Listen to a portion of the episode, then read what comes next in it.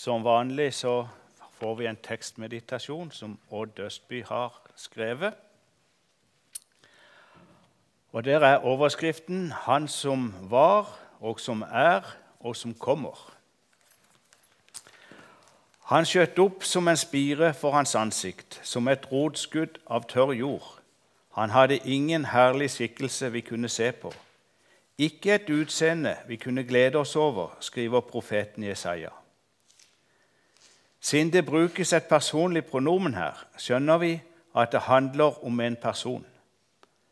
Ellers kunne beskrivelsen godt stemme med den underlige planten som kalles, planten som kalles jerikorose.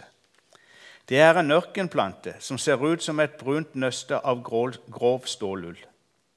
Men så snart den kommer i kontakt med vann, blir den grønn og blåser seg opp til mange ganger sin størrelse i tørrtilstand. Så kan den tørke inn igjen, og slik kan den holde på i århundrer. Navnet har den fått fordi Jeriko lå langs den ruten som Den hellige familie måtte ta da Josef med, tok med seg Maria og Jesusbarnet og flyktet til Egypt. En legende forteller at underveis gjennom ørkenen spyttet Maria på en tørr plante, og dermed ble den grønn med det samme. Dette underet av en plante kalles også oppstandelsensplanten, og symbolikken er klar. Kristus dør og blir levende igjen. Og Det er jo nettopp ham profetien fra Jesaja 53 handler om.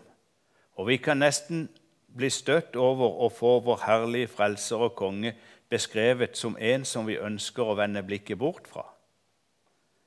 Vår menneskelige fantasi ser nok heller for seg en konge i rene, fargerike klær, med pomp og prakt og hornmusikk paraderende på en rød løper. Nei, det var nok heller en støvete sti han vandret på da han opprettet sitt kongedømme, kongenes konge og herrenes herre. Den støvete veien førte ham til Galilea, ikke til hovedstaden Jerusalem, slik kanskje mange strateger ville rådet ham til. Nei, Jesus skulle oppfylle en annen profeti fra kapittel 9 hos profeten Jesaja. Sannelig, det skal ikke finnes mørke for henne som er i trengsel.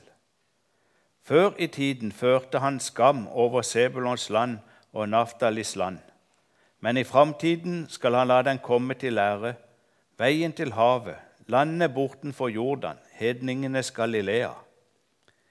Det folket som vandrer i mørket, ser et stort lys. Over dem som bor i dødsskyggens land, stråler lyset fram. Du lot dem juble høyt og gjorde gleden stor. De gleder seg for ditt ansikt som en gleder seg i kornhøsten, som en jubler når krigsbyttet deles.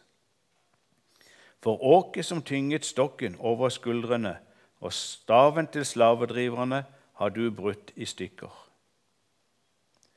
Og Evangelisten Matteus er klar på at nettopp da Jesus etablerte seg i Korpernum i hedningenes Galilea, gikk denne profetien i oppfyllelse. Men hvorfor akkurat der? Hvorfor forkynte Jesus akkurat der at Guds rike var kommet nær? Det er nærliggende å tenke at det handler om at stammene nettopp der nord i Israel, Sebulons og Naftalis stammer, ble bortført til Asyria i år 722 før Kristus. Og Dermed var det slutt på kongedømmet Israel. Folket ble spredt, og kongedømmet forduftet. Men akkurat her etablerer Jesus sitt kongedømme, sitt rike, det nye, grenseløse og evige Guds rike. Og da stråler virkelig lyset fram over dem som vandrer i dødsskyggens land. De fikk se og høre Han som er verdens lys og Guds ord. Det kan høres ut som en saga av lys og lykke der alt blir fryd og jubel. Og jubel og fryd ble det da mennesker ble helbredet og magene deres mettet. Men Jesu kongemakt møtte motstand fra første stund. For skal lyset vinne, må mørket tape og vike. Og mørkets makter gjorde motstand, og hvert menneske ble en slagmark. Slik også i dag. Han kom til sitt eget, men hans egne tok ikke imot ham. Men alle de som tok imot ham, den ga han rett til å bli Guds barn, de som tror på hans navn. Guds barn og borgere av Guds fri, rike med fri adgang til å komme med bønner, sorger, bekymringer og gleder til kongens trone. Om adventstiden er full av frydefull forventning, pynt og kos, eller en tid med savn og skuffende forventninger, så er realiteten om Jesu kongemakt og hans blikk for den enkelte av sine borgere uforanderlig og upåvirket av våre skiftende følelser. For et barn er oss født, en sønn er oss gitt. Herreveldet er lagt på hans skuldre.